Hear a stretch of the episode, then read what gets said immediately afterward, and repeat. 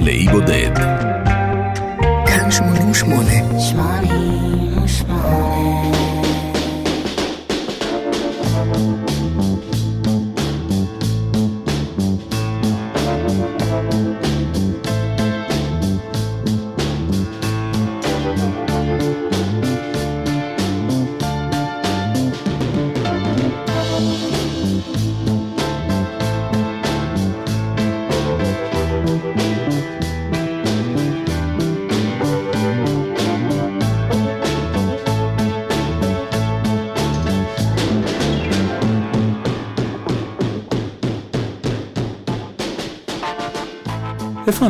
תופסים את ארבעת המופלאים אחרי שהאלבום סארג'נט פפר יוצא לאור?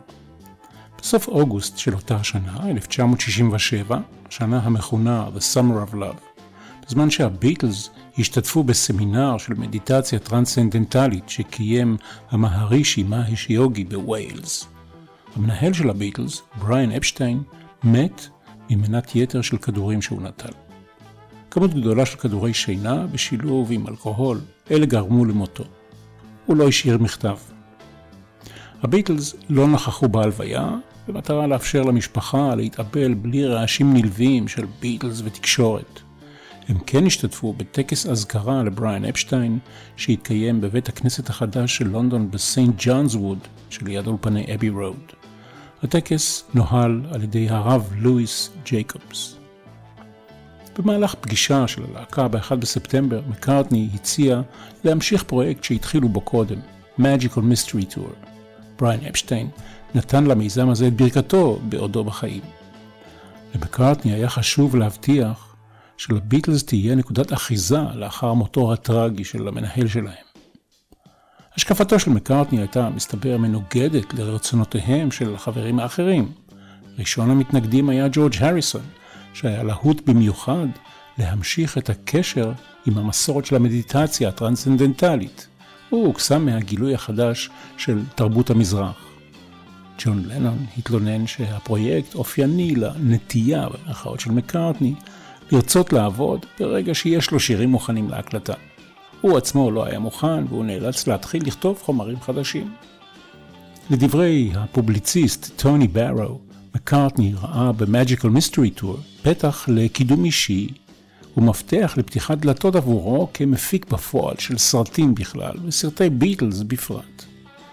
וכאן המקום לציין שמסע הקסם המסתורי שאיתו אנחנו שתים הפעם הוא בראש ובראשונה סרט טלוויזיה. ראיתם את הסרט? לא ראיתם? פעם חשבתי שחבל על הזמן, אבל היום אני חושב, על אף מקראותיו, שהוא בהחלט ראוי לצפייה. בשעה הקרובה נתאר תמונות ונשמע כמובן את השירים מתוך מסע הקסם המסתורי, The Magical Mystery Tour. אני מנחם גרנית, בואו נצא לדרך.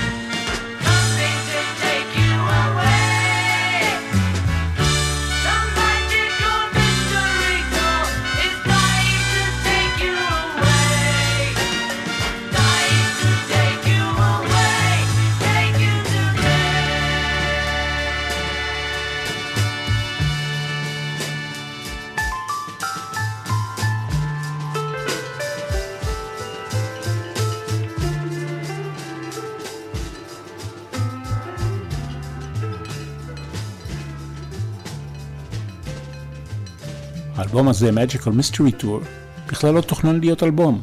מדובר היה במקור בשירים שהוקלטו לטובת סרט הטלוויזיה של הביטלס בשם הזה. חברת התקליטים של הביטלס התלבטה איך לשווק את הדבר הזה. מדובר היה במקור בשישה שירים. בבריטניה החליטו על פורמט של EP כפול, EP Extended Play. שני סינגלים המסתובבים על הפטיפון במהירות של 45 סיבובים לדקה. בכל אחד מהם שלושה שירים. באמריקה חשבו שיווקית.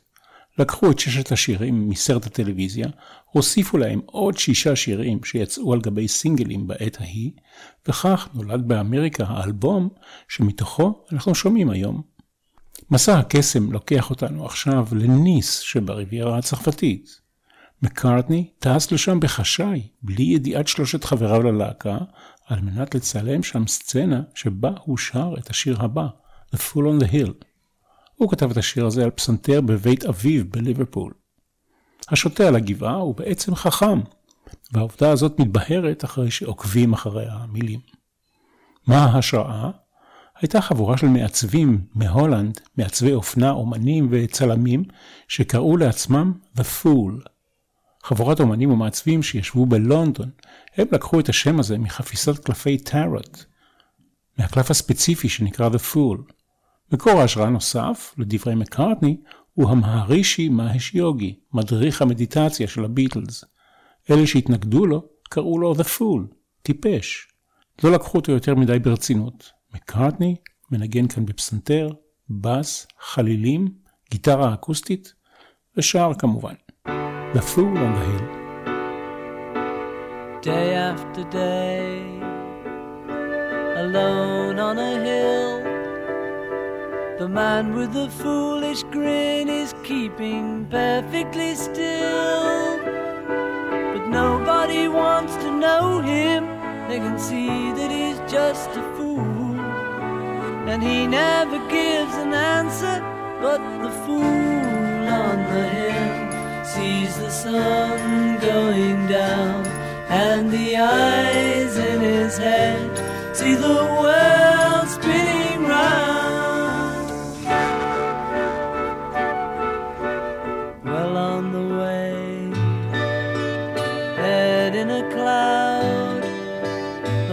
a thousand voices talking perfectly loud. But nobody ever hears him or the sound he appears to make. And he never seems to notice what the fool on the hill sees the sun going down. And the eyes in his head see the world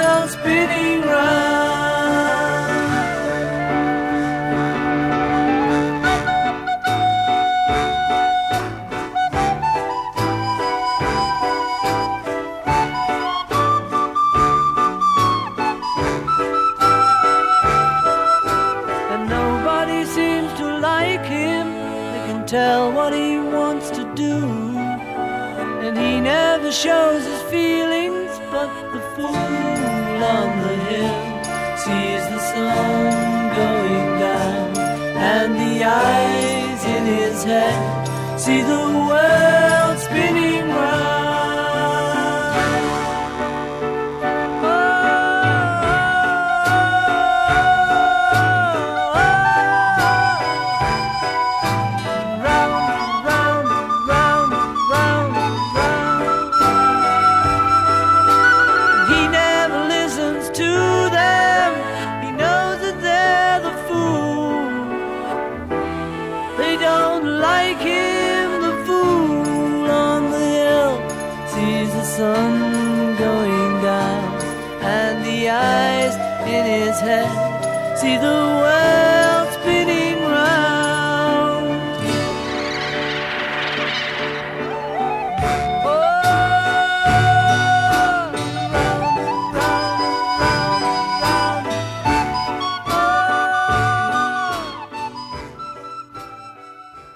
Magical Mystery Tour היה כאמור סרט מוזיקלי שצולם לטלוויזיה.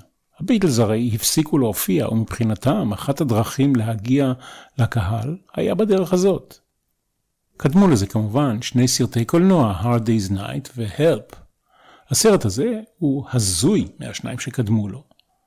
לקחו הביטלס אוטובוס, צבעו אותו בצבעים פסיכדליים, העמיסו עליו טיפוסים מיוחדים במינם, ונסעו לאן שנסעו.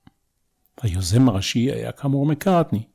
את הרעיון הוא לקח בין השאר מהסופר האמריקני קן קסי, שלקח אוטובוס של תלמידי בית ספר, צבע אותו בצבעים, העמיס עליו אוהדים ומעריצים שלו, שנסעו בכבישי אמריקה. חלק גדול מהסרט של הביטלס צולם בשדה תעופה צבאי נטוש של חיל האוויר המלכותי בקנט. התסריט היה מאולתר ברובו. הצילום מתנהל על בסיס של אוסף רעיונות, סקיצות וקומדיות מצבים. Boxing Day הוא חג הנחוג בבריטניה בסמוך לחג המולד. ביום הזה, ב-26 בדצמבר 1967, הוקרן הסרט Magical Mystery Tour בהקרנת בכורה ב-BBC 1 בטלוויזיה הבריטית בשחור לבן. ה-BBC 1 עדיין לא ידע לשדר בצבע. אחרי ההקרנה התקשר רינגו סטאר ל-BBC והתלונן. למה שידרתם בשחור לבן? בגלל זה הרייטינג היה נמוך.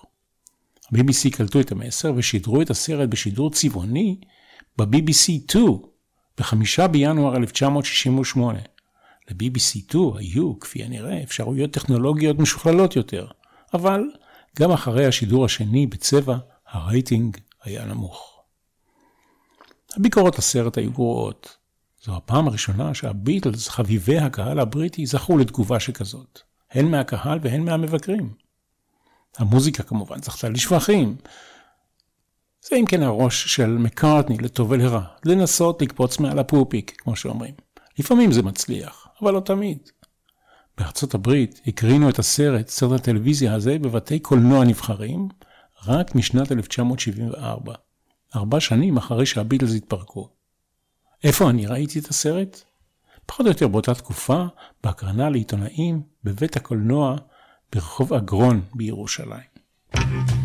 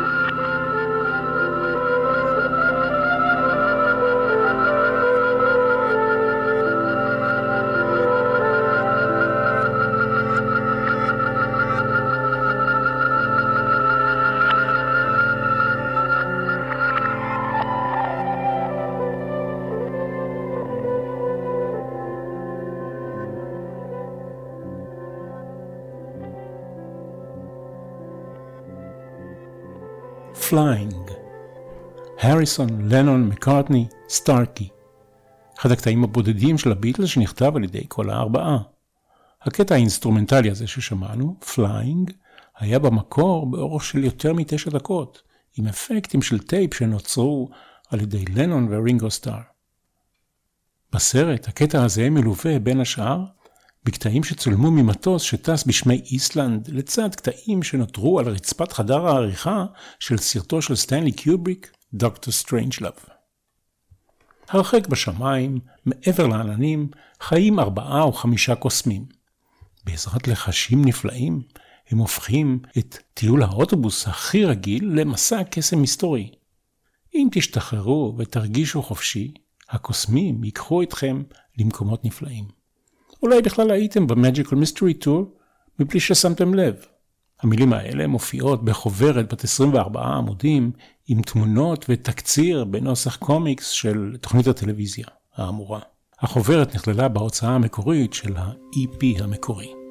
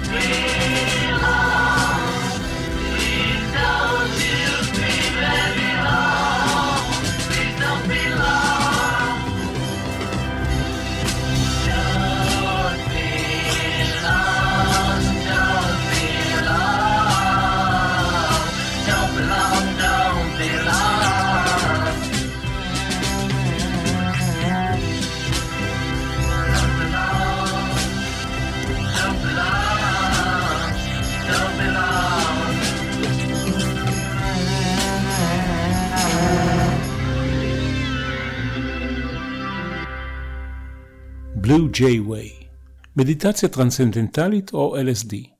אליבא דה ג'ורג' הריסון עדיף מדיטציה. כך על פי גישתו אחרי סארג'נט פפר ואחרי ביקור בחוף המערבי של ארצות הברית, שם התרכזו כל הלהקות הפסיכדליות של אותם הימים, ושם גם נכתב השיר הזה ששמענו עכשיו. לביקור שלו בלוס אנג'לס היו כמה טעמים. להיפגש עם המנטור שלו שלימד אותו לנגן בסיטאר, ראווי שנקר, שהגיע מהודו להופעות בהוליווד באול, להתחכך כאמור עם מוזיקאים אחרים, וגם לבלות שבוע בחברתו של דרק טיילור, מי שהיה קצין העיתונות של הביטלס ועבר לאמריקה כדי לעבוד עם הבירדס והביץ' בויז. ג'ורג' הריסון שכר דירה ברחוב שנקרא בלו ג'יי ווי בהוליווד. שם חיכה לדרק טיילור שהתמהמה בגלל הערפל שרבץ על הרחוב. מכאן השורות הראשונות של השיר There's a fog upon LA and my friends have lost their way. שידור הטלוויזיה הבינלאומי הראשון באמצעות לוויין התקיים ב-25 ביוני 1967. הוא נקרא Our World, העולם שלנו. אמנים מכל העולם, שייצגו 19 מדינות, כולל זמרת האופרה מריה קאלאס והצייר פבלו פיקאסו, הוזמנו להופיע אז בשידור טלוויזיה כלל עולמי זה.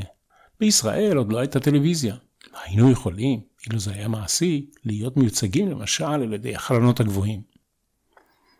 על פי הערכות, 400 עד 700 מיליון אנשים ברחבי העולם צפו בשידור הזה. השידור התפרסם בעיקר בזכות הביטלס שייצגו את הממלכה המאוחדת. השיר שנבחר לייצג את בריטניה היה All You Need Is Love של לנון, בזכות המסר כמובן.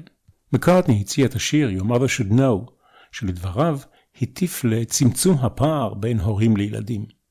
אבל הביטלס הצביעו כולם בעד All You Need Is Love. מיד נשמע את שני השירים, אבל קודם כל נציין שאת השורה Your Mother Should Know לקח מקארטני מסרט קולנוע בריטי משנת 1961, שבו נערה לבנה נכנסת להיריון מגבר שחור, מבלי שאימא שלה יודעת.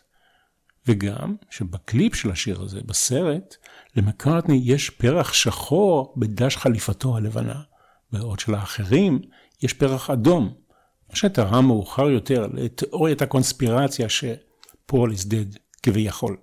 nothing you can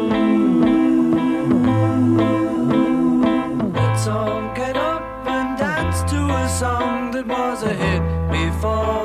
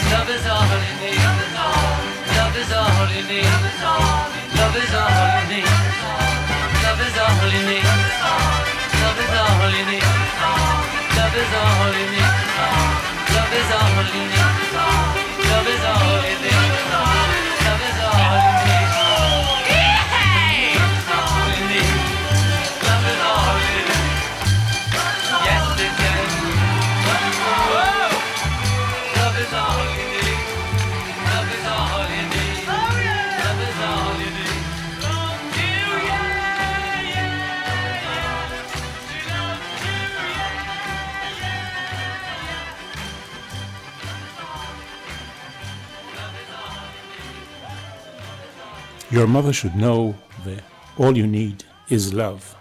השיר הזה הוקלט על ידי הביטלס 33 פעמים.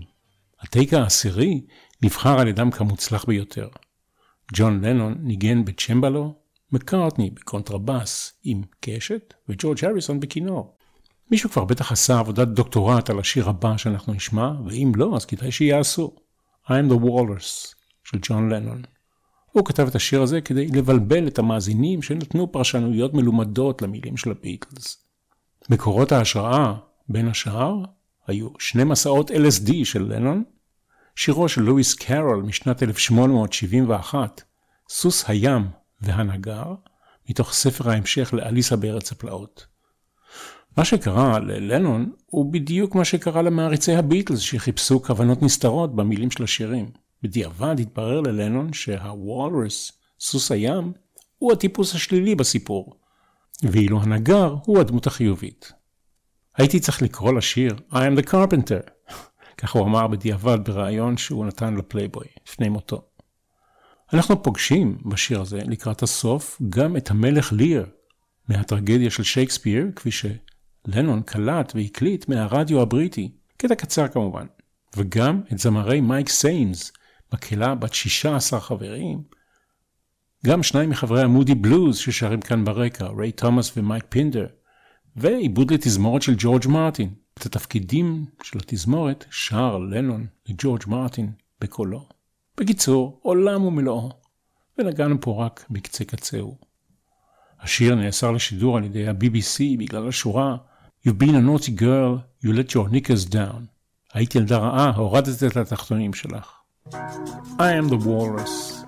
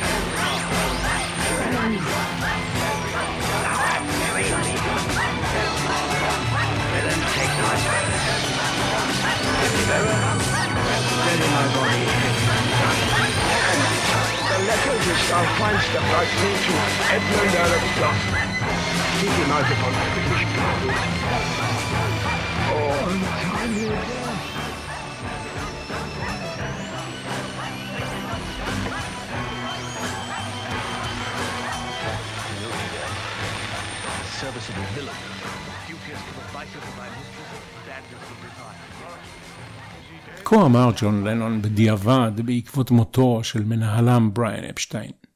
עדיין הייתי תחת רושם מוטעה. לעתים הייתה לי תחושה שבריאן ייכנס לחדר ויאמר לנו, חבר'ה, הגיע הזמן להקליט, או הגיע הזמן לעשות כך וכך. ופול תפס את המקום הזה. עכשיו אנחנו הולכים לעשות סרט. עכשיו אנחנו הולכים לעשות תקליט. והוא הניח שאם הוא לא יהיה היוזם והדוחף, זה לא יקרה. פול היה בא עם 20 שירים טובים, והיה אומר, אנחנו מקליטים. ופתאום אני הייתי צריך לקרוע את התחת, סליחה על הביטוי, ולכתוב ערימה של שירים כדי לעמוד בקצב. וכאן, ברשותכם, תובנה אישית שלי. לנון הקים את הביטלס והיה הדומיננטי בכל התחומים ובכל המובנים במחצית הראשונה של הקריירה. מקארטני תפס את המקום הזה בהמשך.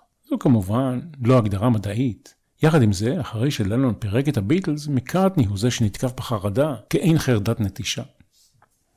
הסרט מתחיל כשרינגו ודודתו ג'סי רובינס צועדים יחד חיש מהר כדי לא לפספס את האוטובוס של ה-Magical Mystery Tour היוצא לטיול של אחר הצהריים באזור הכפרי האנגלי.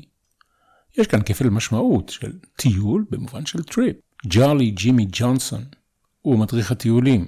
ככל שהסיור מתקדם, צצות דמויות שונות שרוצות לפגוש את ג'ון לנון, ג'ורג' הריסון ופול מקארטני. רינגו כבר תפוס על ידי דודתו, ג'סי. באחת הסצנות המטורפות בסרט, ג'ון לנון מאכיל את הדודה בספגטי שהוא מערה על שולחנה באמצעות את חפירה. יש את בסטר בלאד וסל המוזר, שאותו מגלם השחקן הבריטי אייבר קאטלר, יש אקורדיוניסטית ויצורים שונים ומשונים אחרים. You say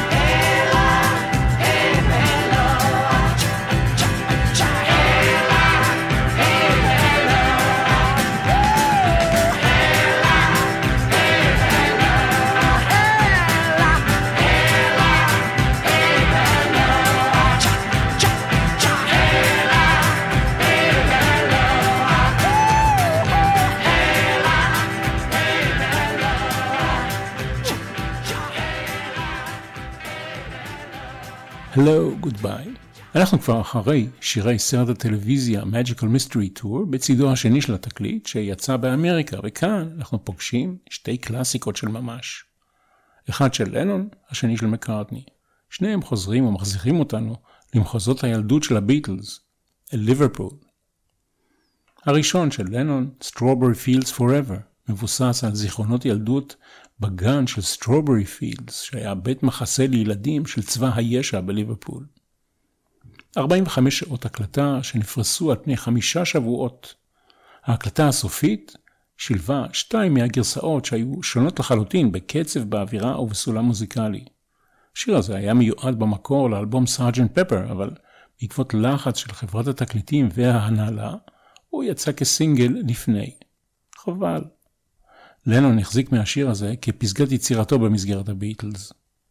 אחרי שלנון נרצח, הוקמה בסנטרל פארק בניו יורק, לא רחוק מביתו של לנון, פינה עגולה קטנה בשם סטרוברי פילדס, שאליה עולים רבים לרגל. Strawberry Fields Forever.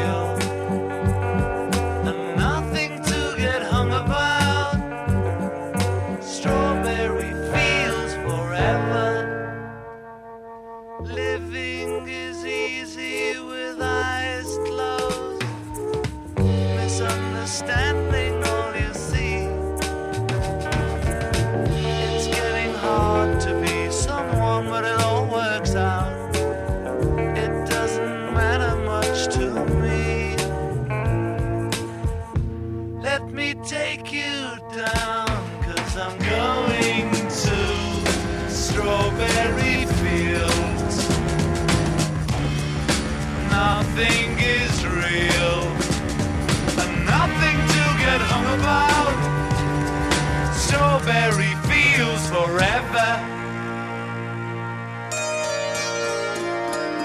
No one I think is in my tree. I mean, it must be high or low. That is, you can't, you know, tune in, but it's alright. That is, I think it's not too bad. Let me take you down, cause I'm going to strawberry fields. Nothing is real, and nothing to get hung about. Strawberry fields forever. Always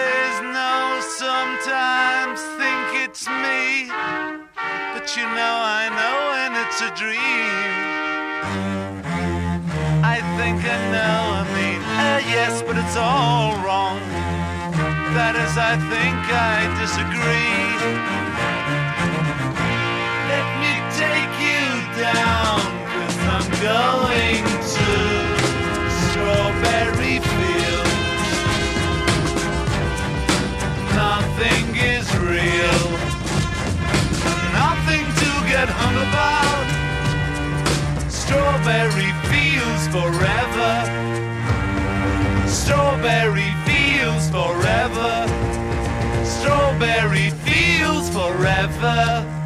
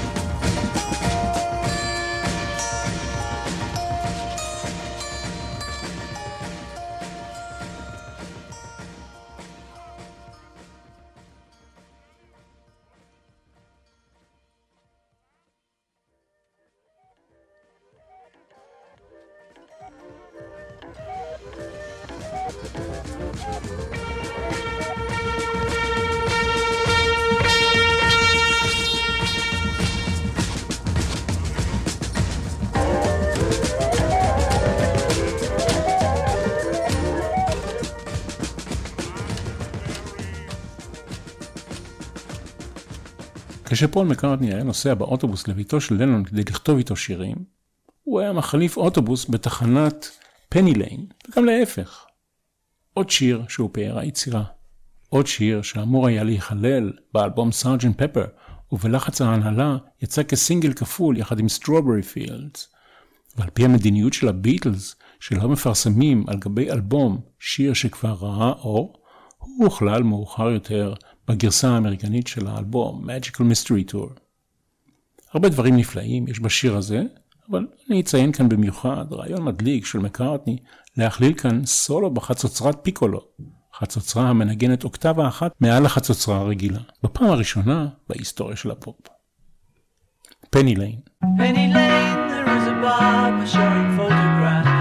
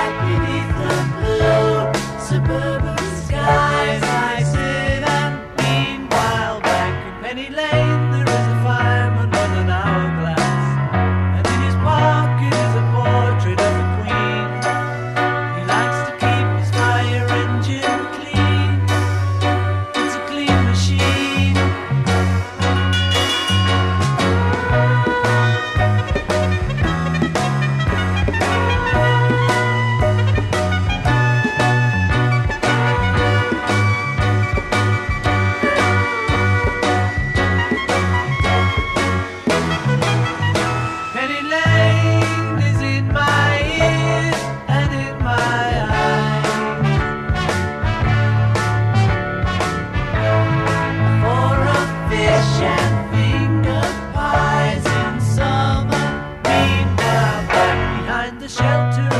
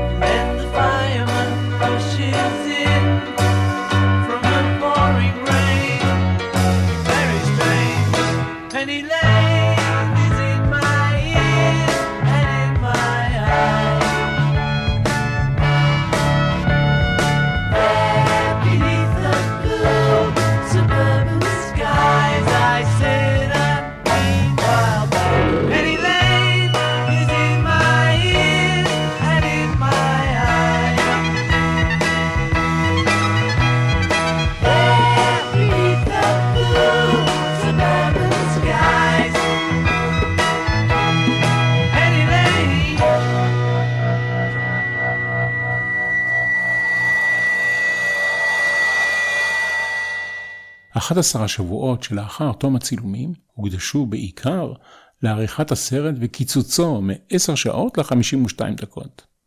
אם אתם רוצים לעשות סיור באוטובוס תיירים בלב הפעולה משווק כ-Magical Mystery Tour, תוכלו לעלות על אוטובוס דומה לזה המקורי ולבקר במקומות ברחבי העיר המזוהים עם הביטלס, כולל כרטיס כניסה למועדון הקאברן בערב. המחיר לילד עד גיל 15, 10 פאונד, למבוגר, 1995, ולמשפחה הכוללת שני ילדים ושני מבוגרים, 50 לירות סטרלינג. וכאן מסתיים הסיור שלנו להפעם. התוכנית הזו משודרת שבוע לפני יום הולדתו ה-80 של פול מקארטני, לא פשוט ללנוניסט כמוני. אני מנחם גרנית, כל טוב.